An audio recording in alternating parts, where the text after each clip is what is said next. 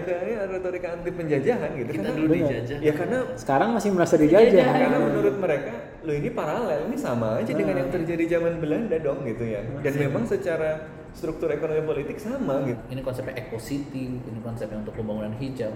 Tapi yang sering dilupakan adalah pembangunan hijau itu sejatinya adalah pertemuan tidak hanya aspek lingkungan, tapi juga aspek Sosial. perlindungan terhadap Betul. masyarakat sosial. Dan ini yang sering dilupakan gitu.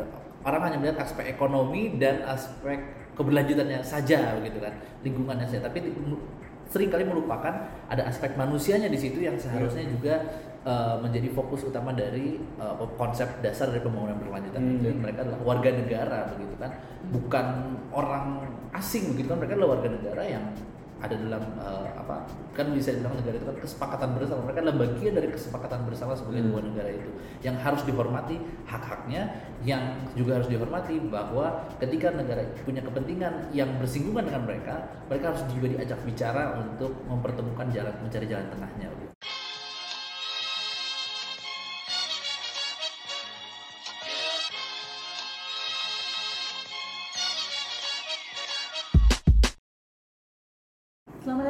podcast Bebas Aktif season 3 episode yang ke-8 bersama gue dengan Ayu dan juga ada Ikhlas, ada Majid dan juga ada Mas Sofwan.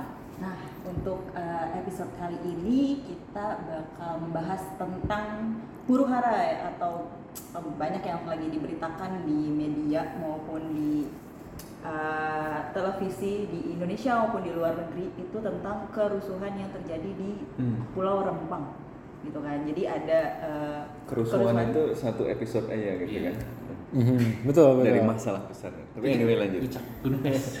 Oke, jadi kan yang kemarin terhighlight itu kan awalnya dari kerusuhan yang eh, terjadi di Pulau Rempang atas sengketa eh, relokasi lahan ya, gitu. Nah kemarin sempat terjadi eh, insiden gas air mata yang sampai ke eh, masuk ke SD, masuk ke sekolah-sekolah dan akhirnya eh, terkena dengan anak-anak kecil gitu kan yang jadi problemnya. Nah sebenarnya ini kasusnya seperti apa sih sampai akhirnya bisa jadi eh, banyak berita yang muncul tentang hal itu? Mas. Ya, nah jadi kan proyek Rempang Eco City ini sendiri, ya nama proyeknya tuh Rempang Eco City ya. Oke. Jadi eh, ada branding khusus, jadi memang buat kota baru dan kota yang eco gitu. Dan ini merupakan sebenarnya eh, dispute yang udah berlangsung cukup lama karena sebenarnya hak eh, guna usaha atau eh, konsesi yang awal kali dikasih buat proyek ini tuh udah dikasih dari tahun 2001-2002. Jadi udah 20 tahun berlalu, tapi kan emang eh, nggak langsung dijalankan karena ada banyak kendala.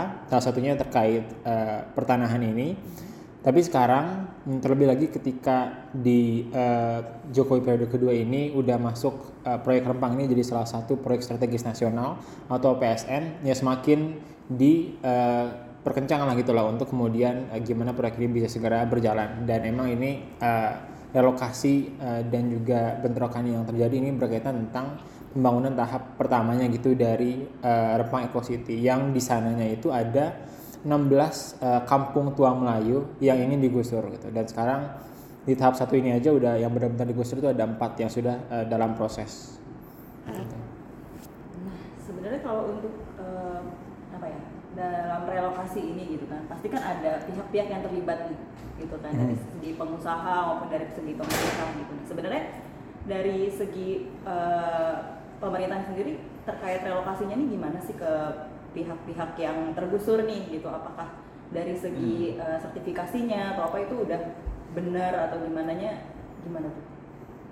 Nah ya jadi kan kalau dari sisi ini ya, kita kita masih bicara fakta nih. Kalau sisi uh, relokasi dan kompensasi sih seperti uh, itu kan memang udah menjadi norma ya, di mana-mana harus menjadi kewajiban bukan normal lagi bahkan disediakan dan di sini juga sering disebutkan udah disediakan gitu rumah untuk relokasi, kompensasi dan lain sebagainya. Tapi kemudian kan katanya rumahnya belum siap itu sebenarnya. rumahnya belum siap. Nah, makanya mereka di tempat sementara sementara belum ada tempat yang siap itu dikasih satu juta sebulan untuk sewa rumah dan satu juta untuk hidup kalau nggak salah Hmm. gitu ya makanya salah satu alasan yang mereka komplain adalah ini belum siap tempat relokasinya belum klop belum deal kan orang kalau mau direlokasi ya harus ini dulu dong harus Benar. jelas dulu mau ke mana karena dia kan mau melanjutkan hidup gitu ya Iya. Eh, nah ini belum jelas relokasinya seperti apa, fasilitasnya seperti apa, apakah jaminannya itu pasti terwujud ya, jaminan soal rumah. Katanya mau dikasih tanah 500 meter persegi, terus mau dikasih rumah tipe eh, 45 tipe 45 ya. Eh, kemudian dikasih jaminan pendidikan untuk anak-anaknya. Tapi itu semua belum siap gitu. Nah, sementara proyeknya dikejar untuk jadi jalan. Jadi eh, Biasa akhir periode baik yang dikejar gitu ya. Iya, terus Ada ya udah, soalnya. mereka disuruh sementara dulu ke tempat lain gitu ya. Eh, tapi kita belum tahu misalnya tempat relokasinya apakah beneran sudah siap atau belum. Ya kan problemnya salah satunya di situ. Hmm, oke dan kemudian sih sebenarnya yang menarik apakah kemudian dengan kalau misalnya udah disediain eh, kompensasi dan eh, relokasi tempat rumah gitu, apakah kemudian problemnya selesai gitu? Apakah semudah itu gitu? Dan juga eh, masalah kerusuhan terutama oleh aparat yang terjadi sekarang gitu kan? sebenarnya lebih ini nggak sih menguntungkan eh, ada ada info kan kalau misalnya ini karena dia ada dari segi yang bermain itu kan ada eh, perusahaannya Tommy Winata ya dari Hmm. pengusaha gitu terus dari Tommy Winata siapa tuh? Kenal gimana? kayaknya udah terkenal deh banyak bisa di googling nih gitu kan saking banyaknya dari pihak Arta Graha ya kan Ya. lalu juga adanya dari investor asing dari China gitu kan Sinyi Group ya Iya, iya. tentang itu. Nah, itu kan eh, kalau menurut BP Batam nih atau dari pemerintahnya sendiri itu bilang kalau misalnya kita dat apa kalau mereka investasi ke kita itu berarti kan akan menciptakan banyak sekali eh, apa ya keuntungan bagi warga juga di sekitar gitu kan. Dari segi pasti penyerapan tenaga kerja gitu. Bahkan katanya ada mau ada pendidikannya maksudnya kayak di dikasih eh, apa namanya pelatihannya dulu lah untuk kayak mereka bisa enjoy di, eh, apa kerja di eh, project yang baru ini gitu loh. Nah itu apakah benar? Misalnya kayak kalau dengan adanya relokasi ini eh, pihak Indonesia atau dari warga-warga sekitar itu jadi punya banyak sekali eh, fasilitas dan juga Hmm. keuntungan yang didapat atau justru memang an- ada orang-orang yang diuntungkan di atas atasnya. Ya sebelum masuk ke situ menurut saya penting untuk eh, memahami ini dalam konteks yang lebih besar ya bahwa eh, strategi pembangunan kita ini arahnya seperti apa sih dan untuk siapa pembangunan itu. Kalau kita lihat masalah Rempang ini kan sebenarnya masalahnya bukan cuma soal apa realokasi gitu ya, bukan cuma soal penggusuran ya. Penggusuran itu adalah simptom Ya. pengusuran yang kemudian dilawan oleh warga adalah simptom dari persoalan yang lebih besar. Persoalan yang lebih besar, Pak.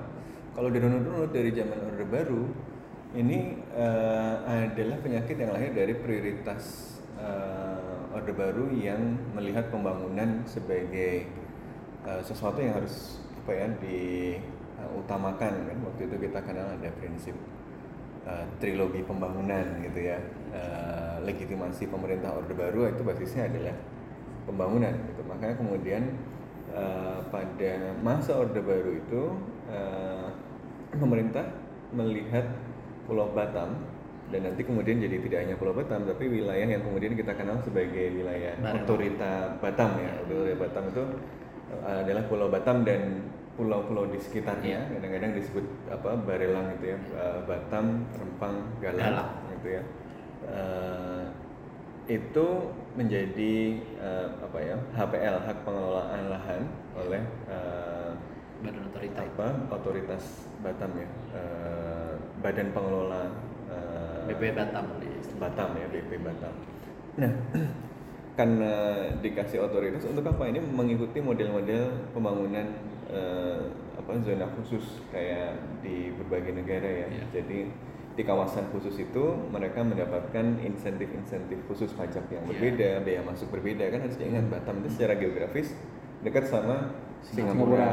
Jadi asumsinya kalau kemudian terjadi aliran barang dan jasa modal gitu ya yang lebih bebas dari Singapura ke Batam nanti akan ada modal masuk modal masuk di situ Anda akan mendorong industrialisasi di kawasan eh, tersebut yang kemudian akan mengakselerasi pembangunan di kawasan itu yang kemudian akan bisa ditiru ke seluruh Indonesia. Ini kayak koridor Sijori dulu istilahnya ada Johor strategi kayak gini gak iya. cuma dilakukan di Indonesia kayak Cina itu kan salah satu pusat pertumbuhannya adalah eh, Kawasan ekonomi khusus. kawasan-kawasan ekonomi khusus Bisa. ini gitu ya eh, yang kemudian berhasil gitu cuma nggak tahu di sana digusur juga nggak ya ada ada yang ini nggak ya tahu Nggak tahu. Ya, kan dimiliki negara kalau di sana. kita nggak kita nggak dengar Agak sulit informasinya. agak sulit informasi tapi anyway dengan dikasih jatah itu ya kemudian kan eh,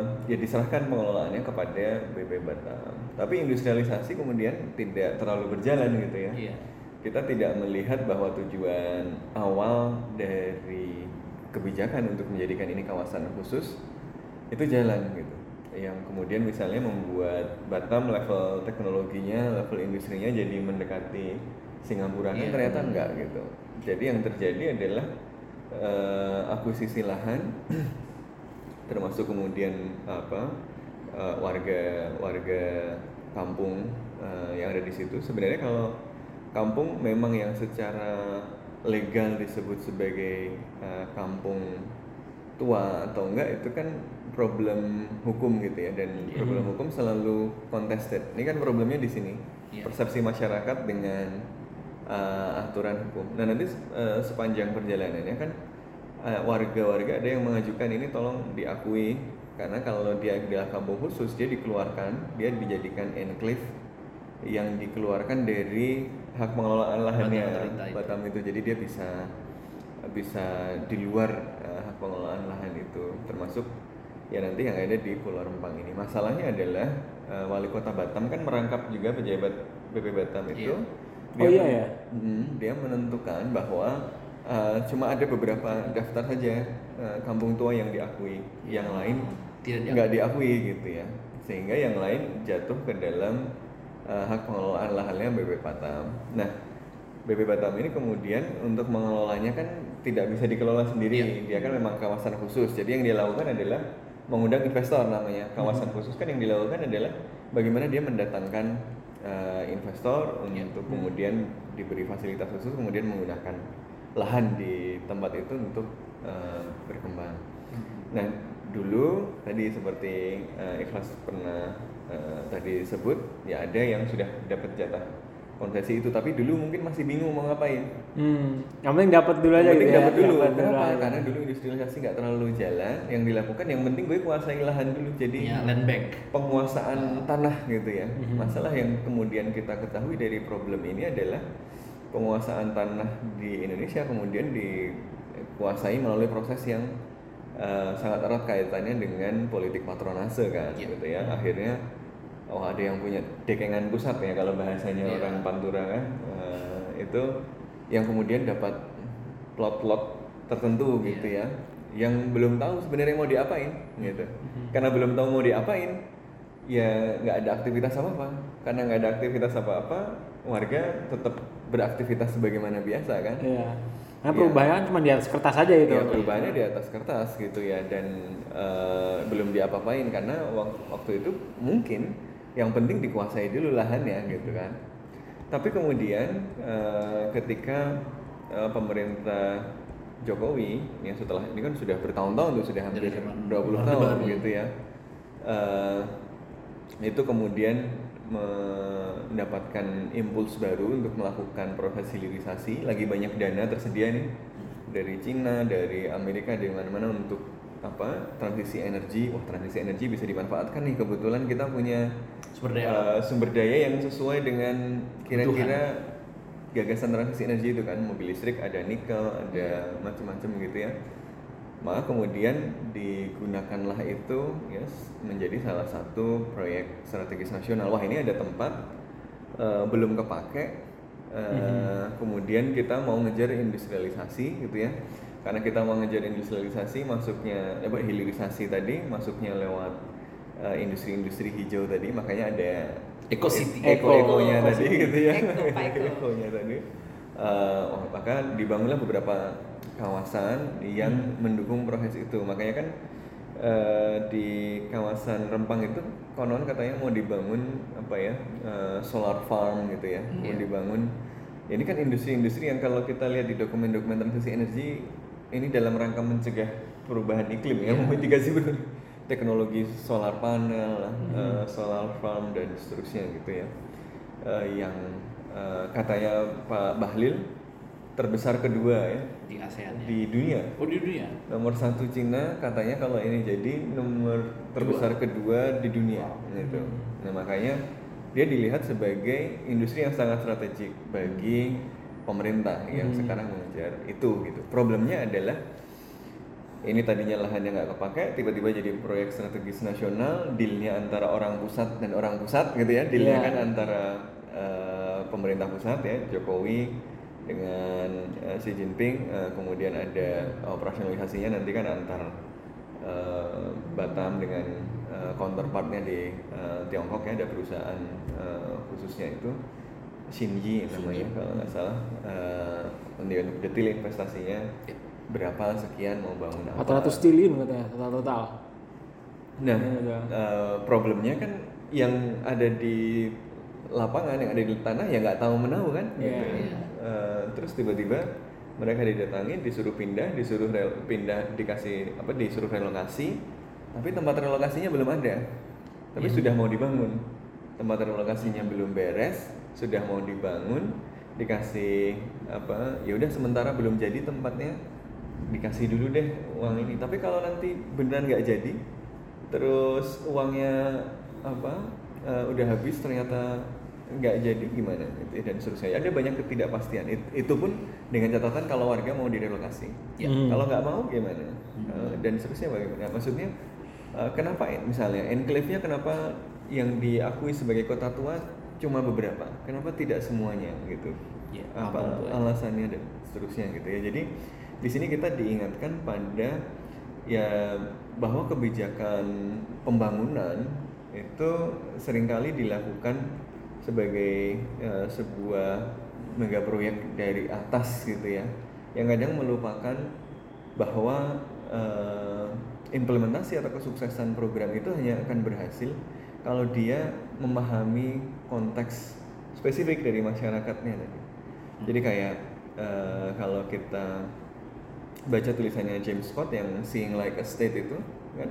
Perencanaan yang teknokratik yang dari atas tapi udah bagus pun perencanaan yang sudah bagus pun biasanya gagal gitu. Karena dia kemudian eh, berhadapan dengan realitas sosial yang kompleks tadi. Orang itu kan nggak bisa cuma disuruh pindah udah nanti dikasih rumah baru dikasih duit terus mau. Wong dia punya sejarah hidup di situ dia punya kenang-kenangan di situ dan seterusnya. Tidak semudah itu gitu. Dan apa boleh punya visi industrialisasi punya visi hilirisasi dan itu bagus saja gitu ya. Saya by the way secara gambar besar hilirisasi adalah hal yang baik ya menurut saya. Cuma memang nggak begitu caranya gitu ya.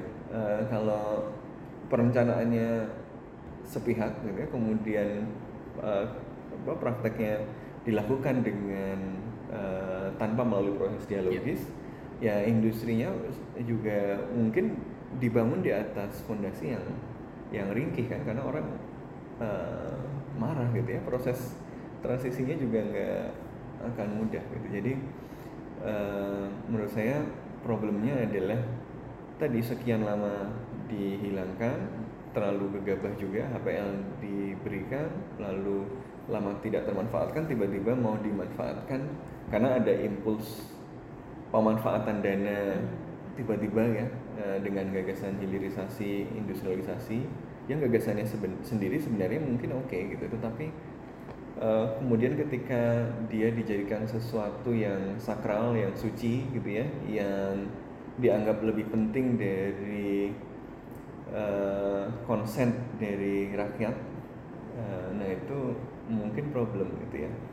Jadi eh, ini yang kemudian harus jadi tinjau kembali gitu. Ya. bukan misalnya bukan kemudian dihentikan sepenuhnya tapi kalau ada perlawanan dari masyarakat artinya belum belum Clear. deal artinya belum clear. Artinya masih ada masalah. Selesaikan dulu masalahnya baru jalan gitu ya. Nggak asal bulldozer gitu kalau Ya.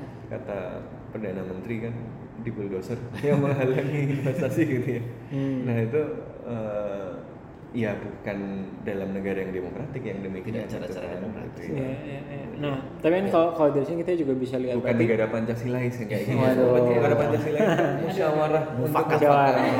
Kemudian semuanya mengetahui kepentingan masing-masing bertenggang rasa gitu Iya, kan. iya. Hmm, nah tapi kan berarti di sini kita lihat juga sifat eh, apa ya politik tanah gitu terutama di dari sisi negara yang eh, di mana-mana ya dianggap sebagai pihak yang ya kayaknya tuh dia berhak untuk mendistribusikan tanah gitu. Dari terutama eh, dari di zaman-zaman ketika belum eh, clear gitu eh, buat konsolidasi tanah itu gimana aja. Dan ini juga berkaitan dengan eh, kemampuan negara Eh, gimana kemudian kepemilikan tanah itu harus disertifikasi misalnya gitu. Iya. kalau kalian nggak punya sertifikat memang kalian nggak berhak gitu atas tanah tersebut. Padahal eh, orang-orang di kampung Tua Melayu itu udah dari tahun 1834 gitu katanya di sana berdasarkan catatan sejarah bisa jadi lebih lama gitu.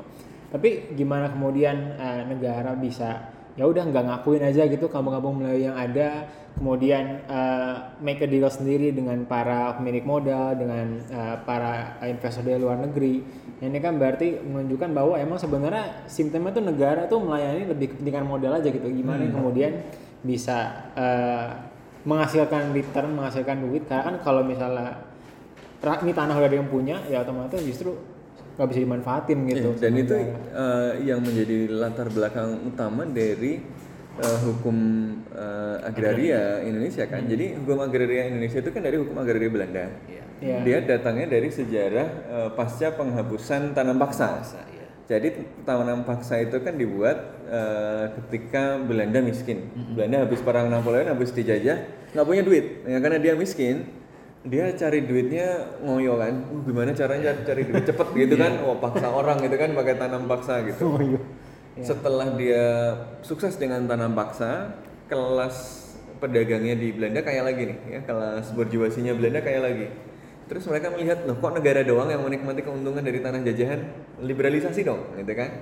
Karena itu kemudian mereka mendorong liberalisasi ini seiring dengan revolusi liberal yang terjadi di seluruh Eropa ya. Benar. Ditambah lagi dengan nanti ada novel apa Max Havelaar Iya. eh, yang ditulis oleh Multatuli itu kan, eh, yang ujungnya marah-marah yang kemudian eh, ya menjadi momentum untuk mendorong kebijakan eh, liberal. Kebijakan liberal ini artinya apa?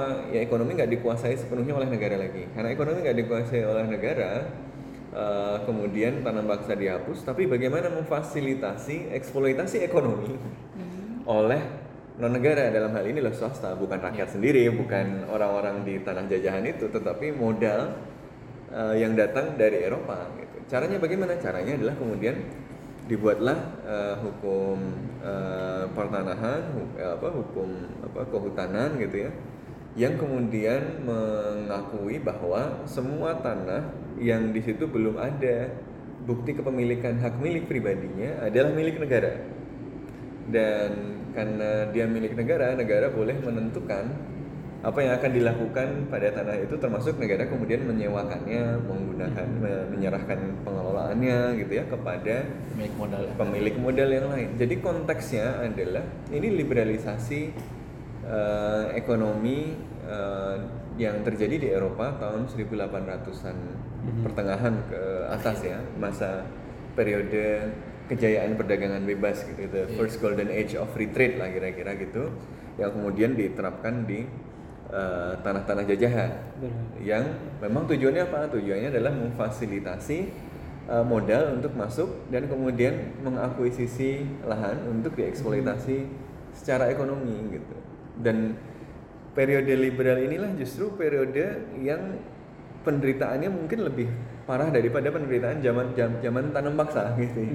Karena kemudian aparatur kolonial itu berfungsi sebagai eh, centeng gitu ya, sebagai pelindung dari modal-modal eh, asing ini yang kemudian karena yang menentukan legal dan tidak legal adalah si negara dalam hal ini adalah negara kolonial. Negara kolonial butuhnya ngumpulin duit dong dari pajak-pajak apa perusahaan itu dari keuntungan dari itu ya dan seterusnya.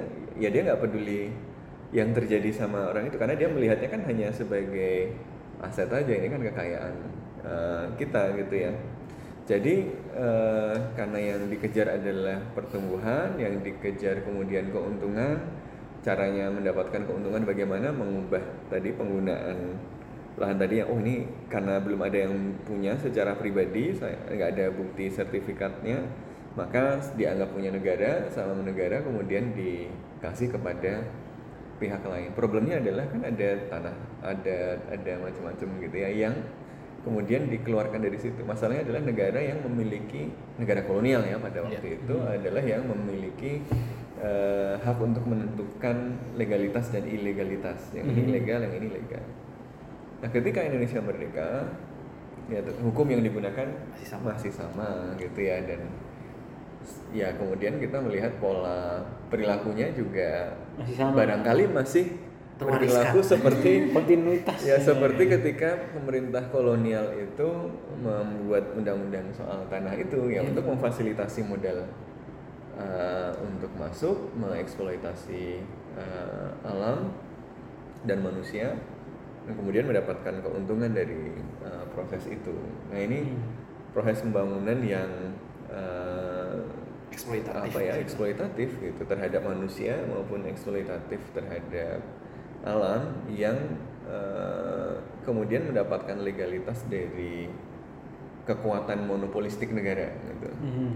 yang eh, apakah negara selalu begitu? Nggak selalu gitu kan. Makanya kalau kita baca tulisannya Robin Eckersley gitu ya eh, di Green State ini sebenarnya karakter ini bisa diubah kalau negaranya dibuat jadi lebih demokratis dan perspektif ekologis jadi gagasan yang eh, mainstream di situ. Gitu ya. masalahnya di situ gitu. Masalahnya jangan-jangan kita masih melanjutkan negara kolonial gitu. Nah, makanya kit- saya sih nggak heran ya ketika uh, teman-teman yang di Rempang itu yang tokoh-tokoh adat Melayu Iya. itu kan menggunakan retorikanya retorika anti kolonial. kolonial gitu ya. Kolonial. retorikanya retorika anti penjajahan gitu. Kita karena dulu dijajah. ya karena sekarang masih merasa dijajah. Karena menurut mereka lo ini paralel ini sama aja dengan yang terjadi zaman Belanda dong gitu ya. Dan memang secara struktur ekonomi politik sama gitu. Same script different cast. Nah, skripnya sama. Be- bedanya pemerannya beda. beda case-nya bukan boleh lagi Nah ini kan ke- eh, akhirnya bisa masyarakat tuh aware sama masalah ini kan karena adanya eh, apa ya tindakan represif lah dari eh, TNI juga dari Polri. Bahkan ada statement bahwa mereka apa dari pihak TNI disuruh meeting masyarakatnya Nah, gitu kan. kalau ada seribu yang demo kita turunin seribu TNI. Kan kayak kesannya jadi kayak loh kok jadi apa eh, masyarakat itu bukannya jadi bukannya malah menurunkan tensi gitu Malah ya. menaikkan tensi. malah menaikkan tensi mungkin maksudnya meeting itulah meeting bertemu oh bertemu ya. Ya. mempiting kita belajar husnuzon ini ya meetingnya bahaya ya meeting ketemu atau meeting Nah, iya, iya. Meeting bulat ya. itu. ambigu ya.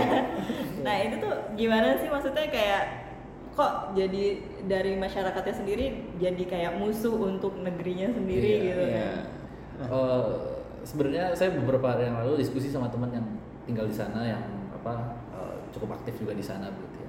cukup aktif demo apa cukup Yang aktif mana nih? bukan demo- yang demo, juga bukan. nih. Aja loh, cukup aktif demo nanti bisa ditangkap sebagai mendukung tindakan kejahatan. Nggak, bukan. Nah, soalnya katanya Abdus Somad Oh, itu iya. ditangkap Oh, kan? iya. di apa dipanggil karena karena me- mendukung Eh, warga Rempang. Maksudnya aktif bekerja di sana begitu Oh, ya. Aktif bekerja di sana. Eh, dan orang sana begitu ya. Jadi memang eh, dia sendiri bilang katanya sebenarnya orang-orang Melayu itu welcome dengan pendatang begitu ya. Pada prinsipnya ya. Dan mereka dia bilang ya pada prinsipnya kita welcome dengan siapa pun dari luar yang mau datang. Tapi ya caranya yang baik dong. Datang tuh ya ketok pintu dulu gitu loh. Jangan yang tiba-tiba langsung gusur gitu kan. Ya, ketok pintu. Heeh. Assalamualaikum Pak, ini rumahnya jadi punya saya. ya?" aja Nah, itu loh.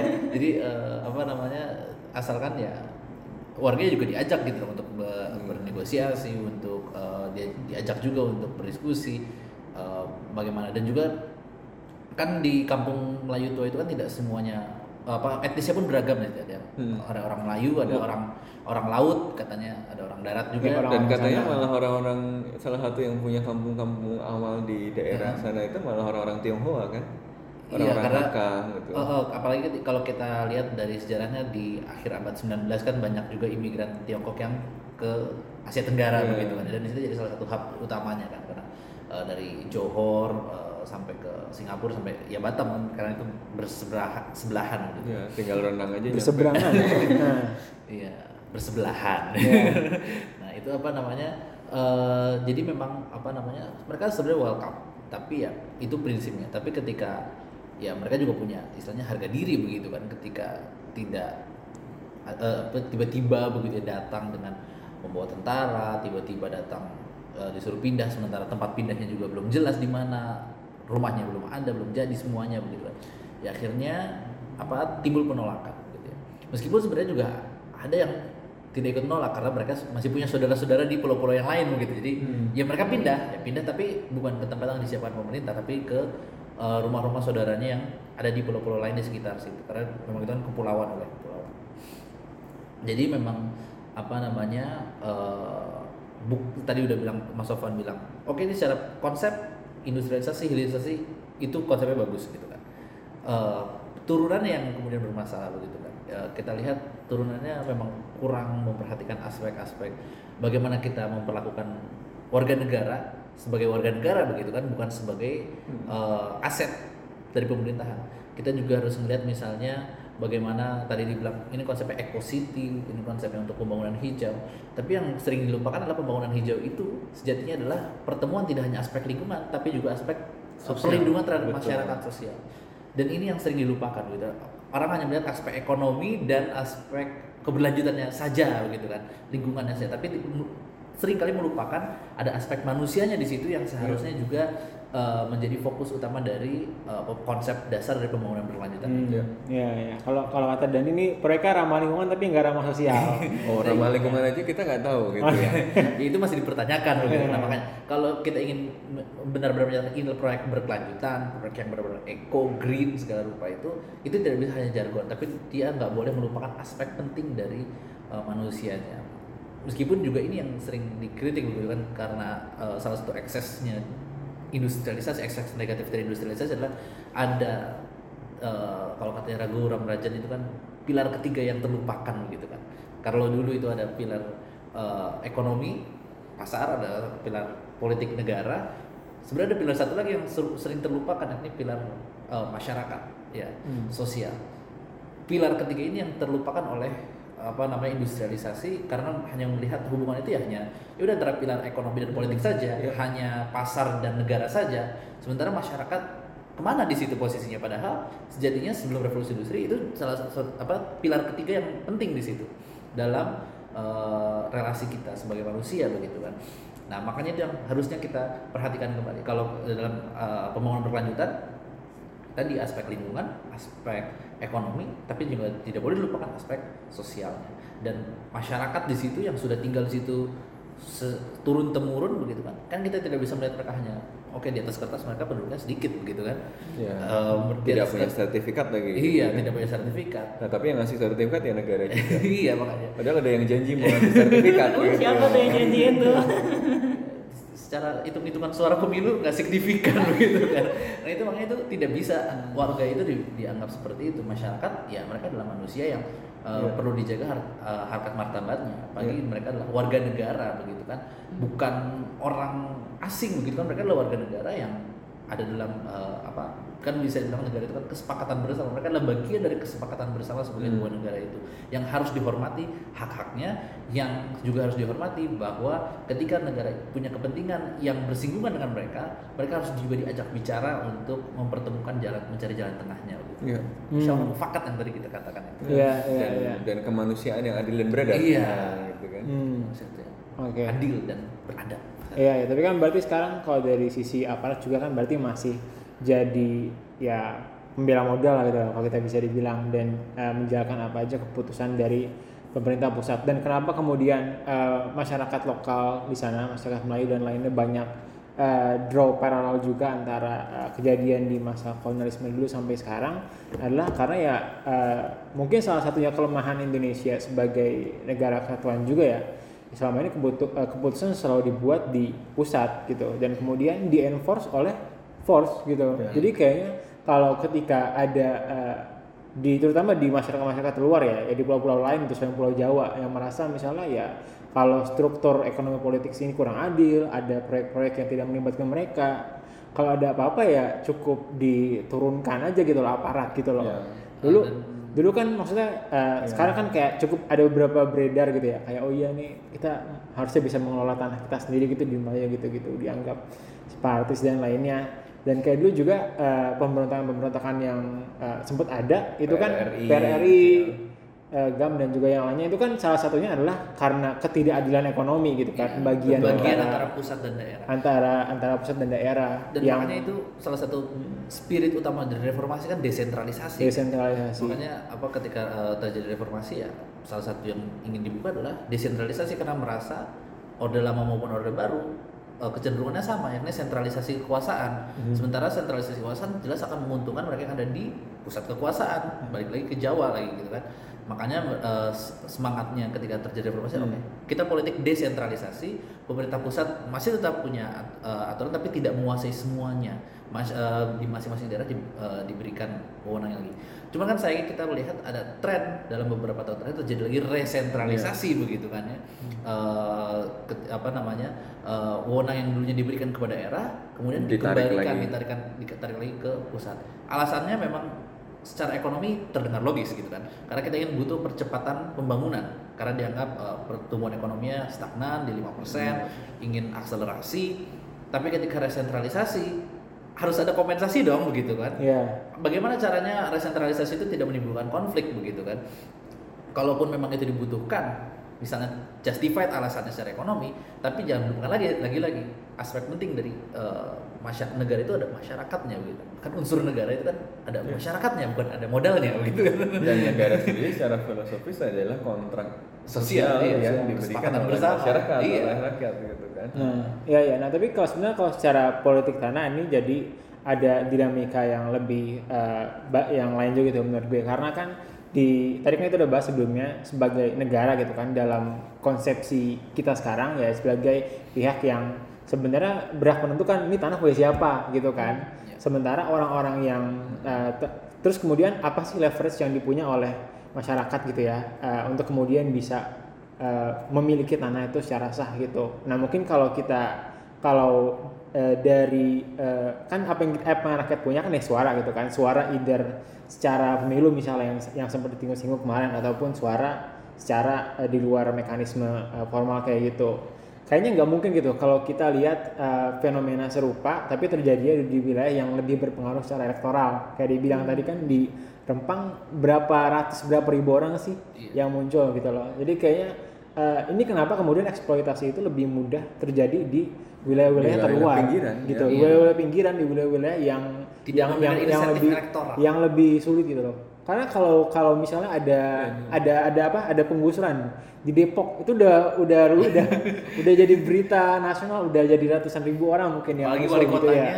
Nah, tapi ini kan ini, ini kan di daerah terluar gitu, orangnya nggak signifikan. Dan ini juga kenapa rasanya tuh wilayah-wilayah di luar Jawa tuh lebih gampang dibagi-bagi buat proyek, buat lain sebagainya.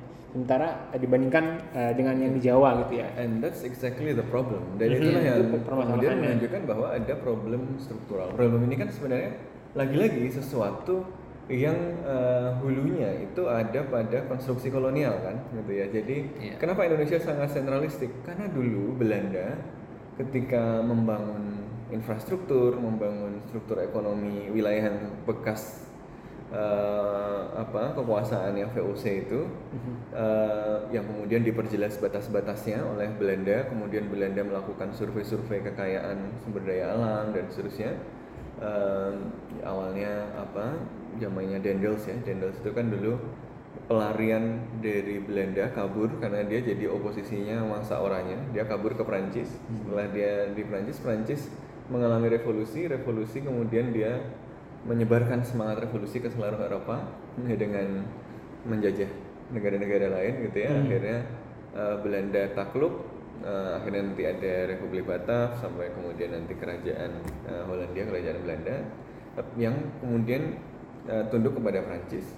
Ya, ketika Dendels ini kemudian dikirim ke Indonesia sebagai gubernur jenderal Belanda. Dia kemudian memulai proyek untuk membangun negara kolonial dengan ide negara dalam bayangan dalam konsepsi revolusi Prancis gitu ya Eh, ide negara birokrasi yang eh, bukan efektif negara gitu. egalitarnya ya. bukan bukan egalitenya tetapi ya tadi kemudian ada pembedaan kan kalau di dalam kolonialisme itu kan warga negara itu ya yang yang di metropolis aja, Iya. yang di periferal itu Tidak bukan warga dia eh, Tidak fraternity juga.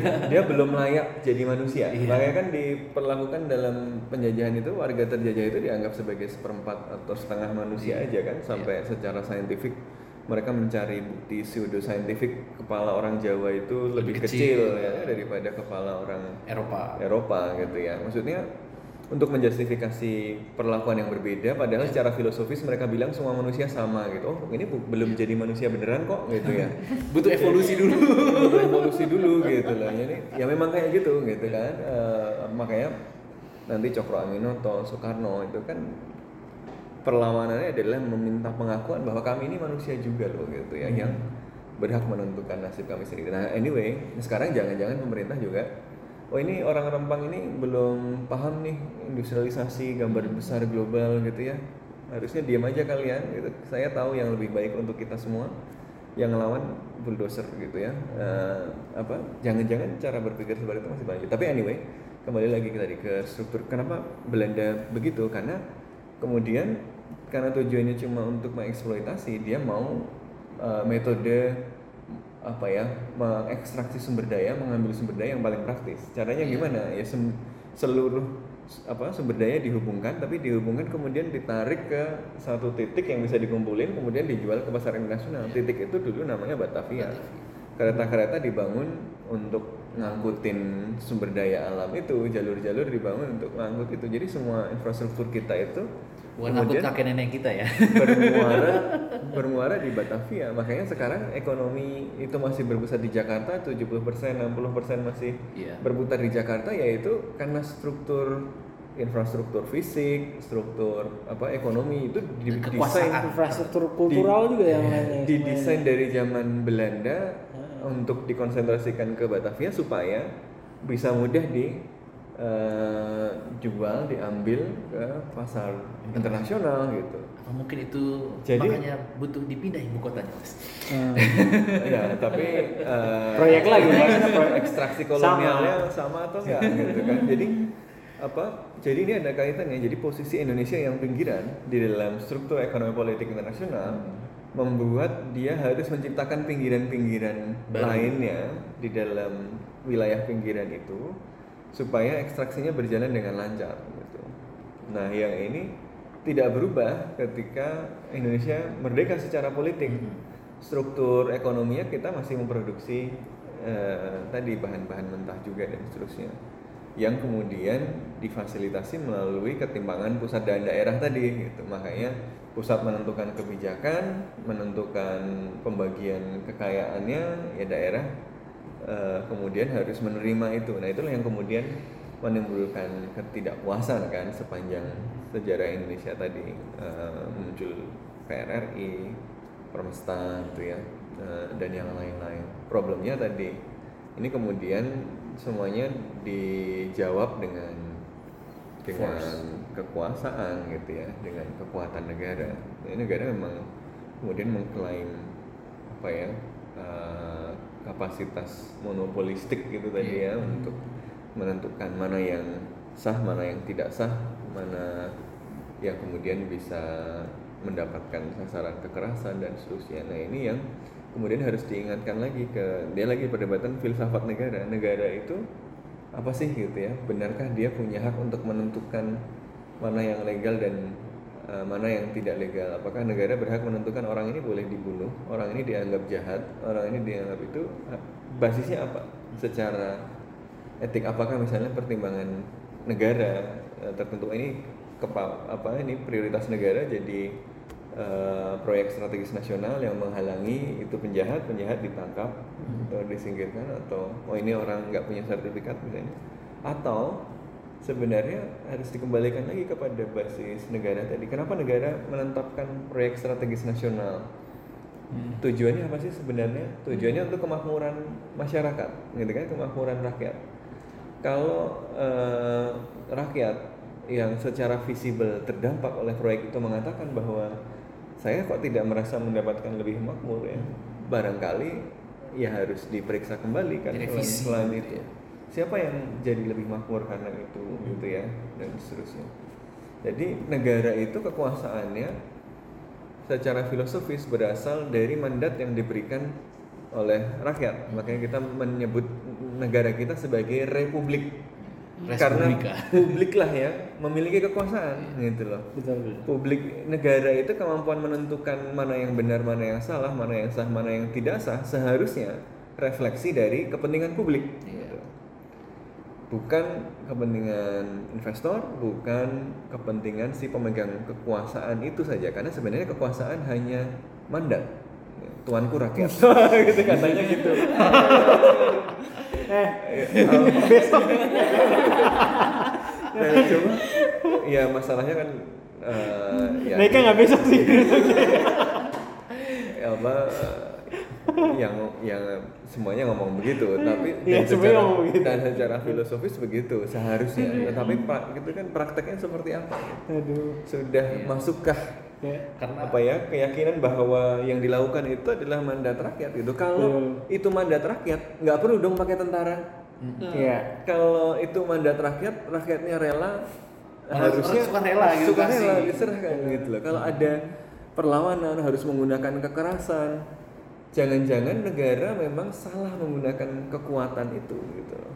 Kalau kebijakan itu eh, benar gitu ya seharusnya eh, karena dia refleksi dari mandat publik publik harusnya menyetujui. Kalaupun dia belum setuju ya bagaimana caranya supaya ada konsen publik kemudian bisa setuju gitu kan? Dan itu nggak bisa dengan cara Jadi- sepihak. Ya harus dialogis seperti yang ditunjukkan oleh bapak wali kota Solo beberapa tahun yang lalu gitu. Eh, Hmm. Ya, beberapa dekade yang lalu sudah. ya kemudian hilang. Ya gitu ya jadi eh, ya itu sih menurut jadi secara filosofis negara ini harus harus dikembalikan tadi gitu. karena sepertinya ada ketimpangan begitu ya dalam ketika kita bilang power dalam sebuah negara begitu kan. Kan dia bilang negara itu tadi mandatnya dari rakyat. Berarti sejatinya power itu kekuasaan itu berasal dari rakyat begitu kan. Tapi dewasa ini kalau kita melihat bahwa kekuasaan itu ya ditentukannya bukan oleh society tadi yang terlupakan tadi tapi oleh ma- market pasar dan negara itu sendiri. Sementara oke secara filosofis oke kita mendapat mandat dari rakyat secara filosofis kita ini bersumber dari rakyat kekuasaan ini. Tapi ketika kita bicara tentang kekuasaan seolah-olah rakyat yang terlupakan gitu kan. Ini kan ada ketimpangan gitu kan antara idealnya seperti apa secara filosofisnya seperti apa dan secara praktiknya kemudian seperti apa. Begitu. Itu yang perlu kita koreksi bersama begitu dengan apa dengan uh, peristiwa ini jadi peristiwa ini ya tadi udah dibilang bukan ini hanya simptom bukan ini gejala iya, dan mungkin gejala. bukan yang terakhir iya mungkin bukan yang pertama Iya. juga gitu Iya. dan ba- bukan cuma persoalan satu administrasi dari zaman orde baru ada ada kasus kedung ombo Iya. ada yang sama-sama eko loh iya Eko. Ke- kedung ombo itu jadi Eko juga ya? apa untuk namanya, eko- pembangkit listrik eko tenaga air ya kan? iya pembangkit listrik tenaga air gitu kan jadi memang em, apa namanya klaim kepentingan ekologis harusnya juga sesuai dengan kepentingan sosiologis dari masyarakat Hmm, ya ya ya. Nah, eh, tapi berarti setuju nggak kalau misalnya dibilang ini kan kayak, kayak kata Pak Presiden bilang dan eh, ini sebenarnya cuma masalah komunikasi gitu. Komunikasi yang buruk. Nah, terus ada juga salah satu capres yang komunik yang bilang kan ya kita sebenarnya komunikasi yang penting selama apa pun harus sampai setuju dulu gitu kan sampai konsensus Ya, dulu. ya, ya tadi Tapi yang karena- penting komunikasi. itu ada benernya Ada benernya. gitu ya tapi mungkin tidak full ya Iya. Hmm. kalau menurut gue ada benernya bahwa Komun- ada masalah komunikasi, komunikasi. itu penting gitu Iya. ya dan eh, kemudian ya sampai kemudian semuanya setuju seharusnya baru proceed itu kan keberhasilan komunikasi tapi komunikasi itu kan mengin- mengindikasikan bahwa saya punya posisi bener loh cuma orang belum ngerti gitu Hmm, oke. Belum setara komunikasi. belum setara. kecuali komunikasi itu yang dimaksud adalah komunikasi arah dua, arah, bahwa kita juga gini kadang-kadang problem dengan bahasa komunikasi pemerintah adalah mengkomunikasikan itu artinya saya ngomong kalian harus dengar gitu. Iya. padahal komunikasi itu seharusnya Dua arah. dua eh, arah. dua arah harus didengar kalian maunya apa sih gitu Kit- kit- pemerintah punya ini nih kita punya proyek yang ini dalam jangka panjang kita semua akan mendapatkan manfaat dari ini. Kalian mungkin akan terdampak sedikit jelek di sini tapi nanti eh, kalian akan apa ya mendapatkan manfaat yang lebih luas. Rakyat dikasih kesempatan untuk tidak percaya untuk mempertanyakan itu untuk menguji itu nanti ya bener emang bener begitu? Emang bener yang untung bukan Tommy Winata doang? Emang yang untung bukan eh, Investornya doang. bukan investornya doang? Kita dapat apa? Bla bla bla bla bla bla setelah itu diuji kemudian oh kalau begitu kami maunya ini maunya itu gitu ya. Nah itu dinegosiasikan gitu. Yang kemudian jadilah konsen makanya prosesnya memang seharusnya nggak bisa tiba-tiba gitu loh. Hmm. Eh, problemnya adalah kadang-kadang kan proyek-proyek strategis nasional ini planningnya agak problematik gitu ya. Eh, Centralized. tiba-tiba centralized tidak melewati proses partisipasi publik Hmm. yang eh, memadai gitu ya. Lalu yang melawan tadi di- yang protes karena belum melihat itu sesuai dengan kepentingannya dianggap penjahat dianggap lawan. Padahal tidak seperti itu kan cara menghadapi eh, warga negara gitu ya. Eh, TNI itu tentara ini ya ini penting untuk diingat oleh eh, Conference. TNI gitu ya oleh, oleh Tentara Nasional Indonesia dan kepolisian.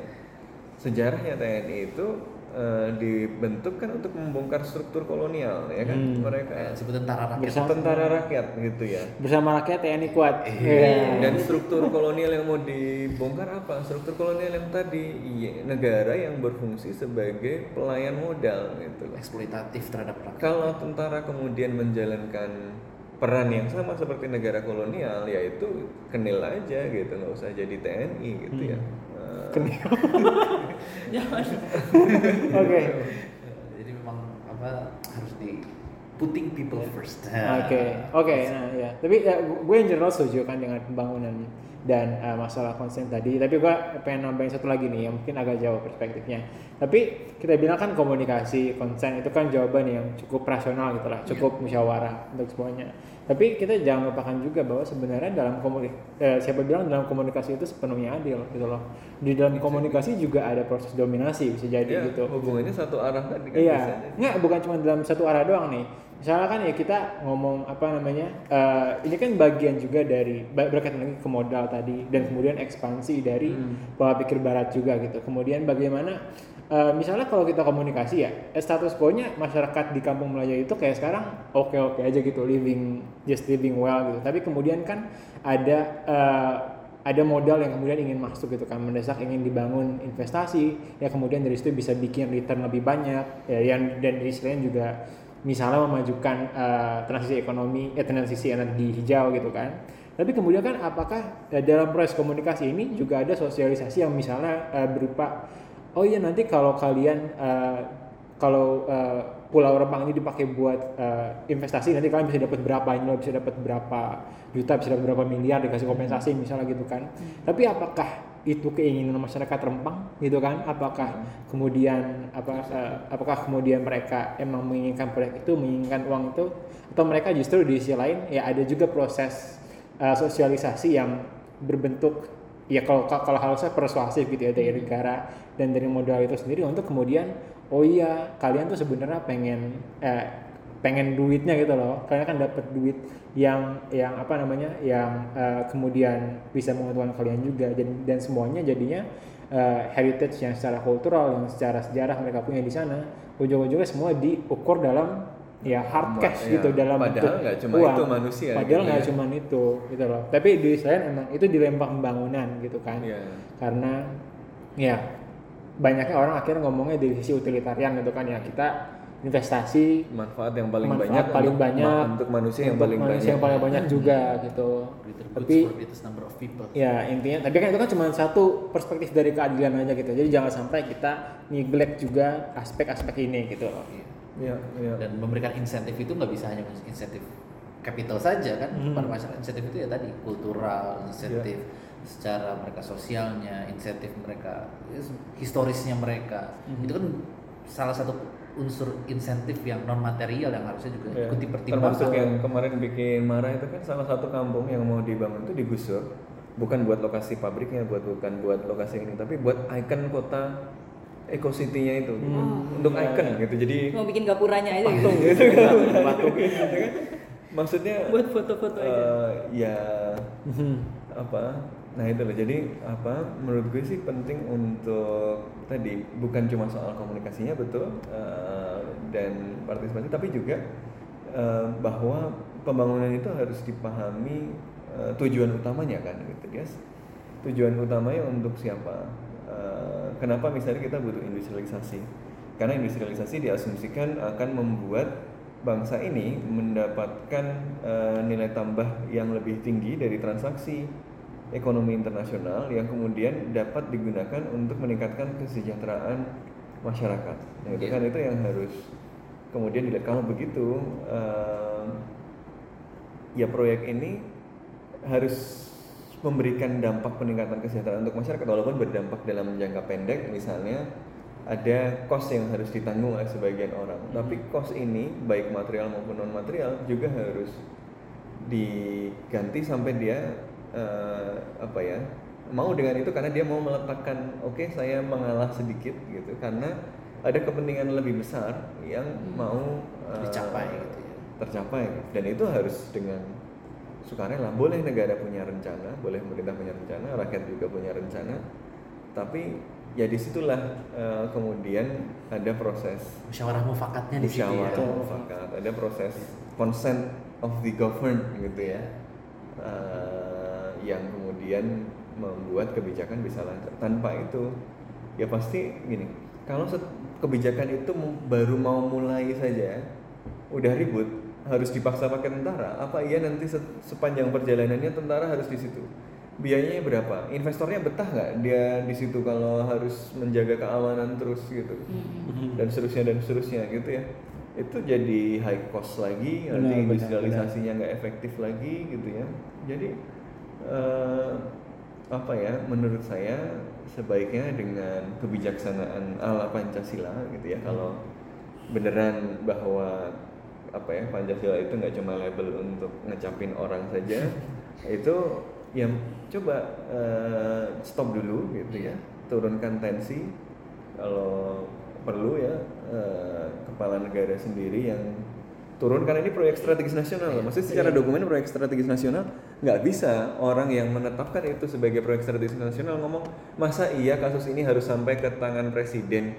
Loh proyek strategis nasional itu tangan presiden Anda. bos ini tangan anda gitu loh. Jadi ya harus anda juga yang kemudian ini kenapa karena bisa? Menteri anda gagal meyakinkan gitu ya. Ya eh, maksudnya eh, show your leadership gitu ya. Tunjukkan kepemimpinan jangan cuma menunjukkan tahu informasi intelijen di partai-partai aja gitu loh. Dan malah bilang ini komunikasi. Hapus buruk. aja hapus.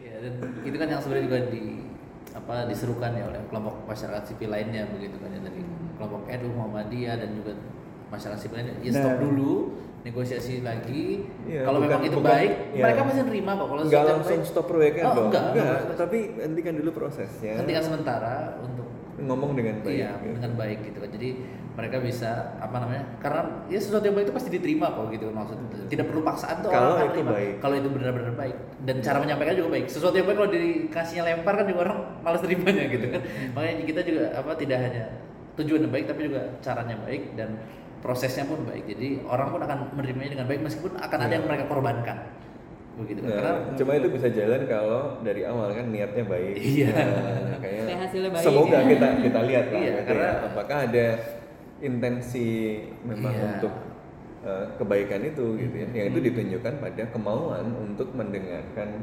masyarakat. Iya. Jadi kita eh, tunggu aja nih ya untuk perkembangan selanjutnya. Apakah nantinya project ini bisa jalan dengan hasil yang baik dengan cara yang baik juga dan juga bisa diselesaikan dengan baik-baik juga oleh pemerintah. Dan juga eh, jangan lupa untuk dengerin kita juga di Spotify.